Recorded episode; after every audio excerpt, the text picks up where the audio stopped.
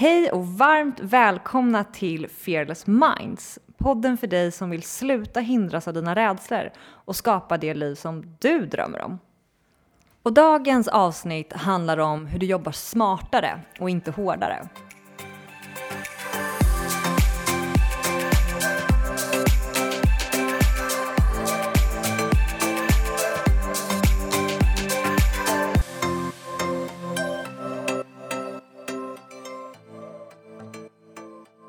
Och nu är det dags för veckans del som heter Vad tänker du, Christer?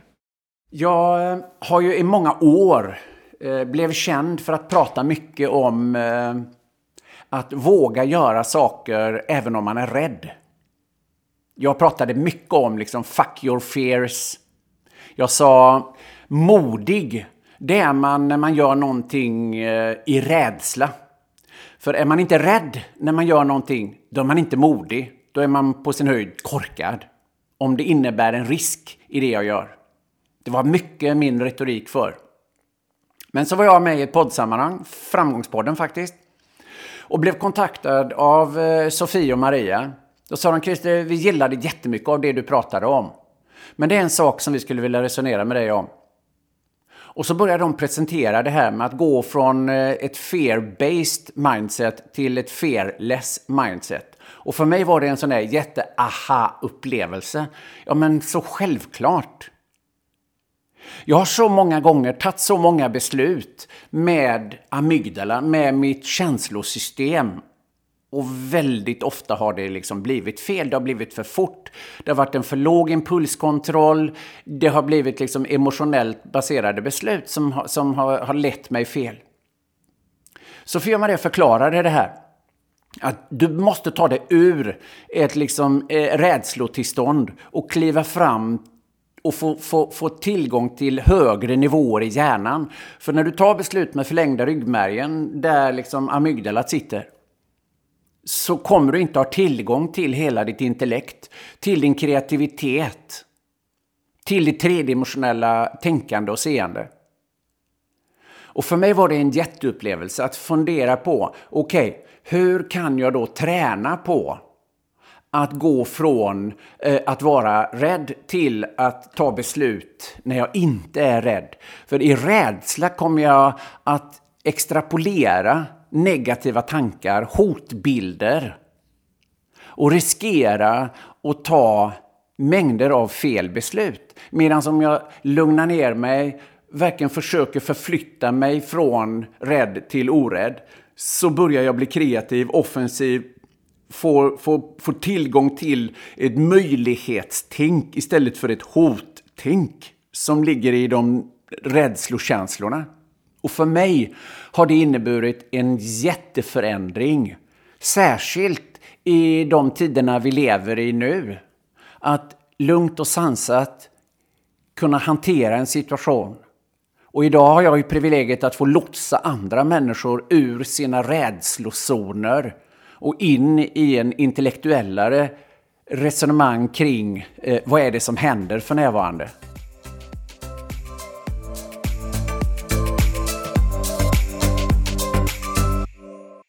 Och vi är jätteglada över att den här veckan kunna meddela att vi har med oss Frilansfinans som sponsor. Och är du en av dem som vill bli konsult eller hitta egna uppdrag, men du kanske samtidigt inte vill starta eget eller du orkar inte sätta dig in i vad det innebär att starta egen firma, då kan det här vara en väldigt bra tjänst för dig. För grejen med frilansfinans är att du kan hitta egna uppdrag och fakturera för det, men utan att starta eget. Så det du gör, det är att du går in på frilansfinans.se och så skapar du ett konto där. Det tar max tre minuter, är gratis och innebär inga förpliktelser. Och sen hittar du ditt uppdrag och utför det.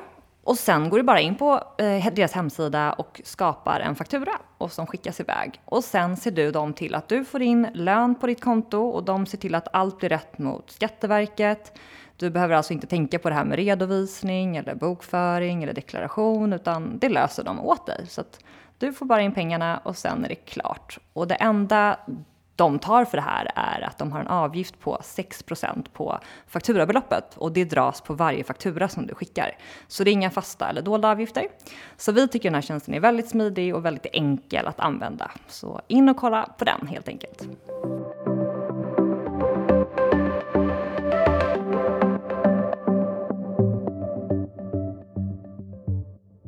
Maria, vi pratar ju om det här med att, att jobba smartare och inte hårdare. Och vi pratar ju en hel del om att vara i fearless.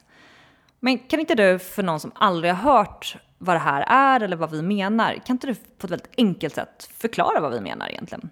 Absolut. För ofta så när vi pratar om det här med att agera i fearless så är det så många som tror att det handlar om att vara liksom kasta sig utanför komfortzonen, att ta okalkylerade risker, eh, att bara vara jävligt ballsy, som man mycket säger på engelska. Men det är inte alls det vi menar. Men för att förstå vad vi menar med att agera i fearless så måste man först förstå motsatsen, vilket är att agera i fear-based. Och just det här med fear-based, det handlar väldigt mycket om vår biologi. För att tänker man tillbaka till back in the days när vi levde på savannen och så dök det upp en tiger helt plötsligt.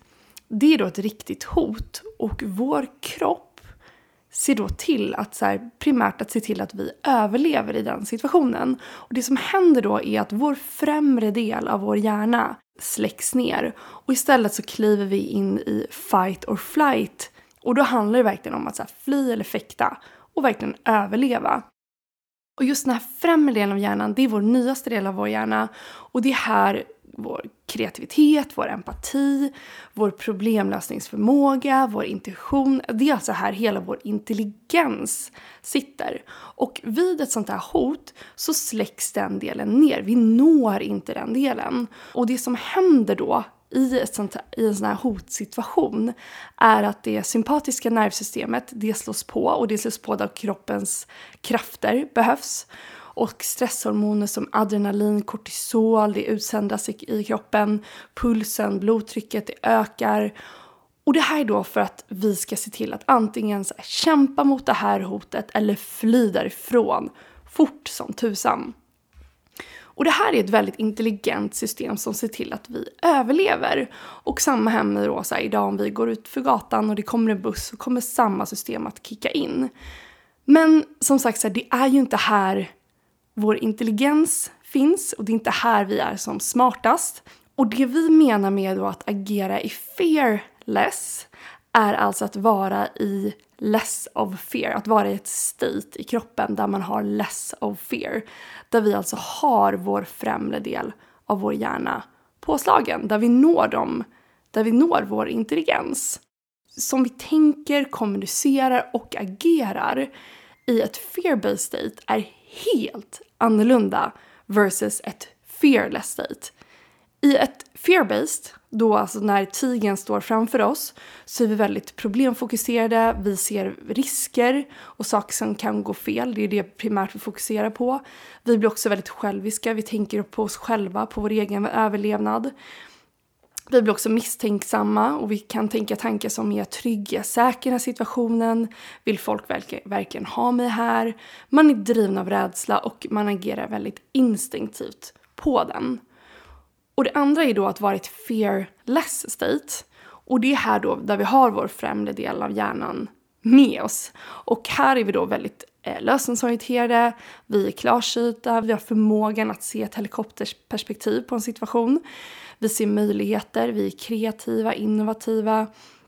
Vi ser bara inte till oss själva, vi ser också till gruppen. Vi kan också känna rädsla här, men vi behöver inte agera på den.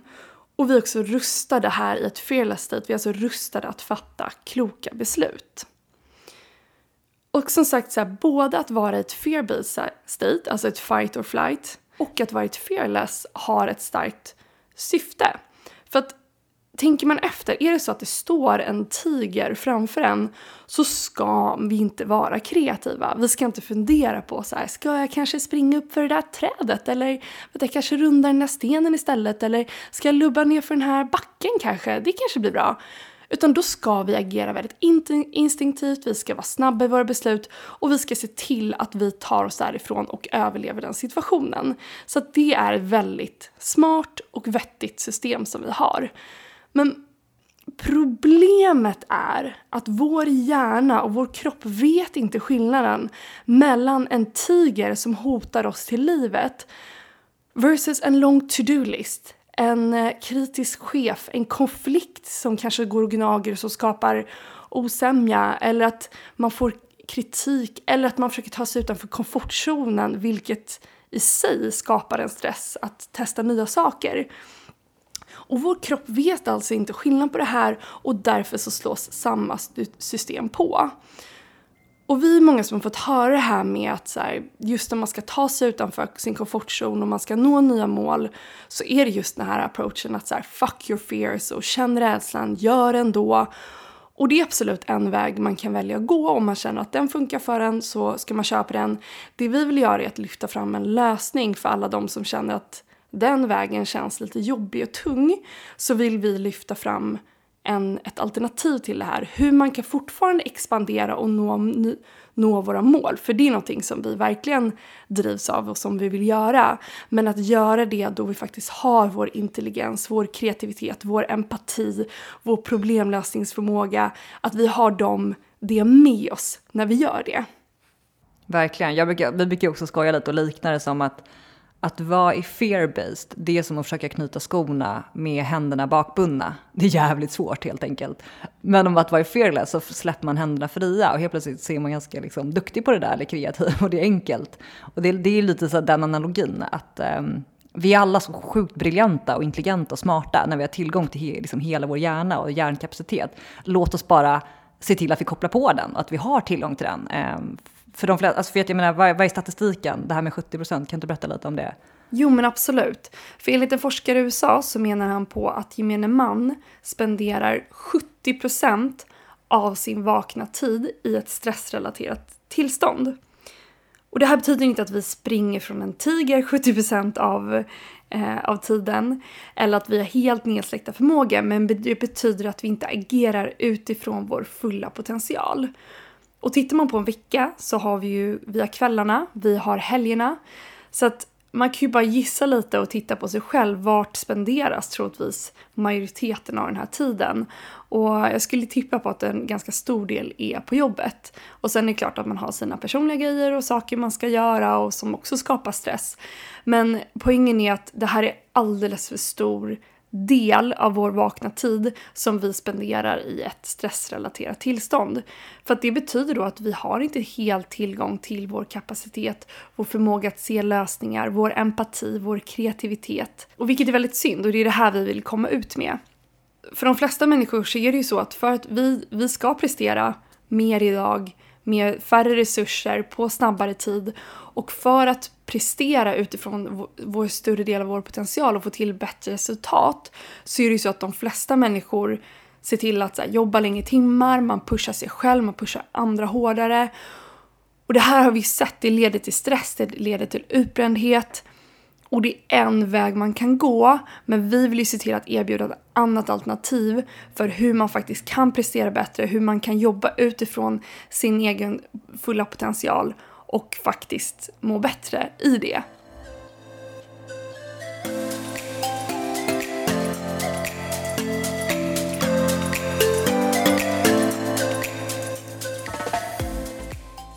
Men kan inte du berätta från ditt liv, har du något exempel när du har gått från fear-based till fearless?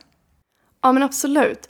Ett sånt där mål som jag har haft, eh, alltså som jag hade under väldigt många år var just det här med att bli bekväm att prata inför folk. För det var någonting som, som jag tyckte var så fruktansvärt jobbigt att göra. Och det är en väldigt vanlig rädsla. Den eh, rädslan, jag tror det var en undersökning i USA där eh, man såg att det var den rädsla som toppade listan. Den kom före döden. Så att det innebär egentligen att folk skulle hellre ligga i kistan än att hålla ett tal på en begravning. Så stor är den här rädslan. Och jag kände att men jag, måste liksom, jag måste ta itu med den här för att den kommer hindra mig väldigt mycket annars och den kommer framförallt stoppa mig från att nå mina mål, mina drömmar, vilket faktiskt också var att stå på scen. Um, så att min största dröm var väldigt sammankopplad till min största rädsla, vilket jag också sett är faktiskt ganska vanligt. Uh, men i alla fall, och då började jag med den här vad säger man, fear-based sättet. Eller att så här, fuck your fears och känn rädslan ändå. Eh, det här var långt innan du och jag hade träffat Sofie och jag gick med i en förening som heter Toastmasters där man då ska öva på det här. Så att tanken är att man ska bli mer bekväm i att prata med folk, vilket är en jättebra, jättebra idé. Men jag kom dit och dit och började med att bara säga någonting kort. Jag, typ, jag heter Maria och jag gillar sommaren. Ungefär. Det var liksom det första man skulle säga på första mötet. Och sen ledde det här vidare till att jag höll ett första tal. Och jag gjorde det här mer och mer och jag kände mig mer och mer bekväm, eller bekväm är inte rätt ord, jag, var min, jag blev mindre och mindre obekväm i situationen för att det var fortfarande inte roligt. För jag gick fortfarande upp på scen, jag svettades, eh, jag kände mig ängslig, jag var väldigt självfokuserad. Jag ville få det här liksom, talet klart så snabbt som möjligt. Jag njöt inte av själva processen och det var just det för att så här, min kropp rent biologiskt befann sig i ett fight or flight, liksom fäkta eller fly-tillstånd. Och i det så skulle jag försöka leverera ett bra tal. Så att den upplevelsen var jäkligt motig och kämpig. Och sen var det då när du och jag träffades Sofie att vi började ifrågasätta det här. Och så här, måste det vara så högt pris att betala och måste det vara så kämpigt att ta sig utanför komfortzonen? Och det var då jag började anamma det här med att göra precis samma sak, alltså det jag tyckte var jättejobbigt, att göra det på ett fearless sätt. Och det här gjorde, vi gjorde flera övningar kopplat till det och vi kommer dela massa av de här övningarna i podden. Men bland annat då så började vi lyfta bort press ur den här situationen. Och försökte göra det så lustfyllt som möjligt. Vi försökte dra ner stegen så att det inte blev så höga kliv och göra det. Och på bara ett par veckor så gick jag från att tycka att det var jättejobbigt att stå och prata in folk till att tycka att det var väldigt kul. Och jag kommer ihåg att det var någonstans här också vi landade vårt första uppdrag ute hos ett företag. Och jag var helt hög när vi gjorde det här. För att det var roligt, jag kände mig avslappnad när jag stod där. Och den här liksom nervositeten kunde jag använda till någonting positivt. Alltså jag hade verktyg för att försätta mig själv i ett fearless state. Vilket gjorde att jag helt plötsligt stod där på scen och njöt av att prata inför folk. Och här, som sagt, rädsla kommer alltid att finnas där. Men just att ha verktyg, att inte liksom agera på den här platsen av rädsla. Vi brukar ju prata om det så här, fearless before action. Att kunna liksom inte agera utifrån den rädsloplatsen utan att agera på en plats där vi faktiskt har vår biologi med oss. Så det här var liksom en dag och nattskiftning för mig. Jag gjorde i båda fallen i det här då att jag pratade inför folk i ett fear-based sätt versus fearless. Jag stod ju fortfarande på scen men upplevelsen i mig var totalt annorlunda. Från att tycka att det var jättejobbigt, från att svettas, från att ha fokus på, på mig själv, från att vilja liksom bli av med att stå där och bara få gå och sätta mig så snabbt som möjligt så kom jag till en plats där jag faktiskt njöt av, jag kunde fokusera på publiken, jag kände att jag hade något viktigt att dela med mig av. Och det skiftade hela den upplevelsen som jag eh, har kopplat till det.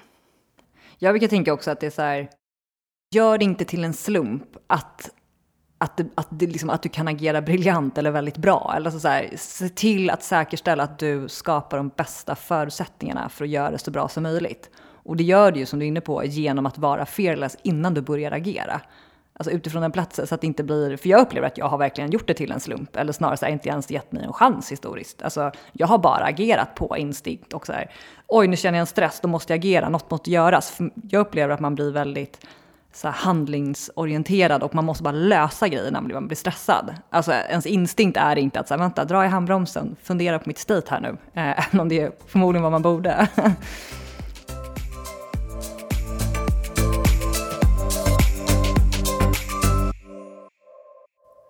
Sofia, har du något exempel på när du gått från fear-based till fearless? Ja, absolut. Jag har ett exempel och det var nog mitt, ja, men så första gången jag verkligen eh, förstod och insåg hur värdefullt det är om man kan eh, hitta sätt att jobba utifrån fearless och hur stor skillnad det gör på resultaten. Det var så här, jag jobbade mitt gamla jobb och jag var ganska involverad i säljet. Jag tyckte också att det var väldigt kul med sälj generellt. Så att jag hade så här, ja men det, jag hade typ stått i duschen, så det är alltid där jag kommer få mina bra idéer. Jag har tagit en dusch på helgen, varit så här, var är fearless, var är avkopplad, inget hot. Eh, och då hade så här, det var som att en idé bara, det trillar ner. Det är ofta så här, man kan ju få nästan som så här, bara trilla ner bra idéer när man är avkopplad. Om man är ute i skogen, man är på soffan, i mitt fall, när jag tar en dusch. Eh, så kom jag på så här, ja, men hur jag skulle utforma en säljpitch. Vi hade så här, ja. Så jag utformade den i alla fall, tyckte den var väldigt bra och väldigt eh, ja, men så här, intelligent typ.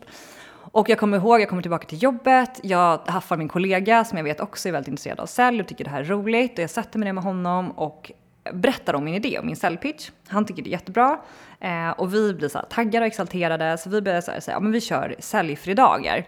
Så vi satte oss varje förmiddag eh, på fredagarna och sålde.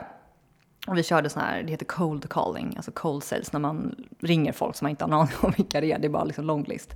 Lyfter luren. Och den här pitchen, vi fick väldigt bra hitrate, alltså vi fick väldigt bra respons på den här. Vi fick, vi fick 80% hitrate, vilket är väldigt, väldigt bra för att vara på så här kalla samtal eller cold calling som det heter. Och vi körde på det här, det var jättekul. Och sen det klassiska, en chef kommer in eh, och han är så här, jag har fått nys om att ni är jäkligt bra på det här, det här går väldigt bra, ni får bra respons, så nu ska vi börja följa upp och mäta det här. Och jag minns, alltså det var som att jag nästan kunde känna hur jag gick från min liksom fearless främre del av hjärnan och bara så här trillade bak i, i min primitiva del av hjärnan. Jag, jag kunde verkligen känna hur jag helt plötsligt skiftade. Alltså helt plötsligt blev det mer hotfullt, det skulle bli uppföljning, helt plötsligt blev det mer press och stress. Alltså helt plötsligt var det inte lika kul längre. Och trots att vi hade samma säljpitch, vi hade liksom den nerskriven, så det var ju som ett manus i princip. Det var identiskt, det var, det var samma personer som satt och ringde. Vi ringde på samma tid, samma dag, det var fortfarande fredag förmiddag. Men alltså vår hitrate alltså droppade från 80% till nästan 20%. På det lilla, lilla skiftet.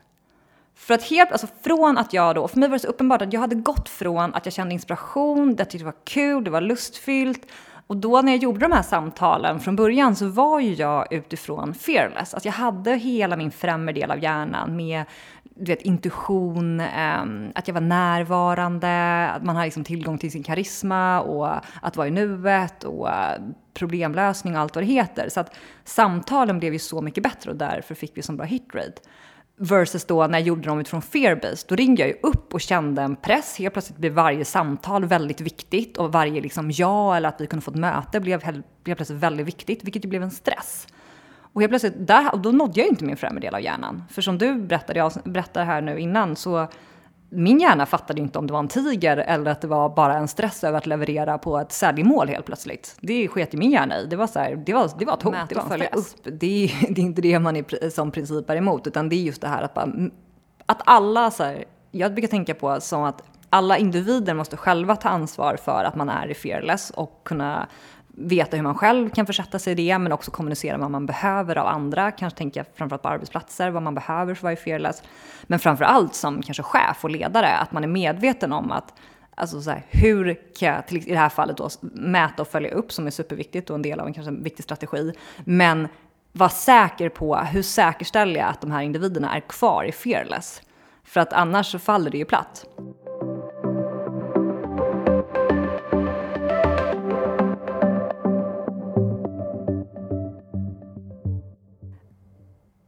Vi kommer ha en övning varje vecka och eh, Maria, kan inte du berätta om dagens övning? Eller veckans övning? Ja men absolut. För den övningen som vi tänkte dela med oss av den här veckan är väldigt kopplad till just det här med hur man tar sig från fear-based till fearless. Och det är för övrigt alla våra övningar eh, handlar om det. Men det här som vi fokuserar på i det här avsnittet är något väldigt enkelt som man kan använda sig kopplat till olika typer av situationer som händer i livet. Det kan vara kopplat till konflikter eller någonting jobbigt som hänt på jobbet.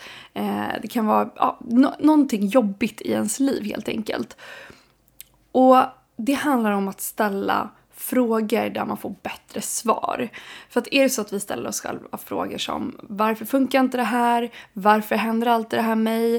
Då kommer vår hjärna gå och leta efter bevis för att det är så. För att så här, det här händer alltid dig på grund av det här. Du kommer inte att lyckas med det här på grund av det. Och vår hjärna kommer alltså leta upp bevis för varför du inte kommer lyckas med någonting eller varför någonting är dåligt eller varför någonting alltid händer dig. Och det vi kan göra istället här är att medvetet börja skifta de här frågorna kring hur kan jag lyckas med det här? Vad är det som tyder på att det brukar alltid lösa sig för mig om det är någon jobbig situation. Eller om man har en konflikt, vad är det som är bra med den här personen? Och hur kan vi faktiskt lösa den här situationen? Och det finns en person som heter JP Phillips som pratar om att vi ofta kan ha olika typer av grundfrågor. Så att om någonting jobbigt händer så kan en grundfråga vara så här, vad är det för fel på det här och hur kan jag göra det bättre? Och den här har jag ställt mig själv väldigt många gånger. Det dyker upp ett problem och då att direkt börja fokusera på vad är det för fel på det här som sker och hur kan jag göra det bättre utifrån den platsen. När man börjar med att fokusera på problemet så kommer vi redan där börja begränsa oss. För kom ihåg nu, vi kliver in, vår kropp rent biologiskt kliver in i fight or flight. Vi kliver in i ett rädsloperspektiv. Så det vi istället vill göra är att ställa oss frågan, vad är det som är bra med det här? Och hur kan jag göra det bättre? Eller så kan man ställa sig frågan, vad är det som är fantastiskt med det här och hur kan jag göra det bättre? För då kommer vår hjärna börja med att fokusera på det som funkar, det som går bra, varför du är bra, varför någon annan person är bra och sen utifrån den platsen så kommer du garanterat att hitta en mycket bättre lösning. Så pröva det. Börja med att fokusera på någon typ av situation i ditt liv idag som du tycker är jobbig och ställ dig den frågan. Vad är det som är bra med det här och hur kan jag göra det bättre? Och du får jättegärna återkoppla till oss och mejla oss på hello@fearlessminds.se och dela mer av det ni kommer fram till.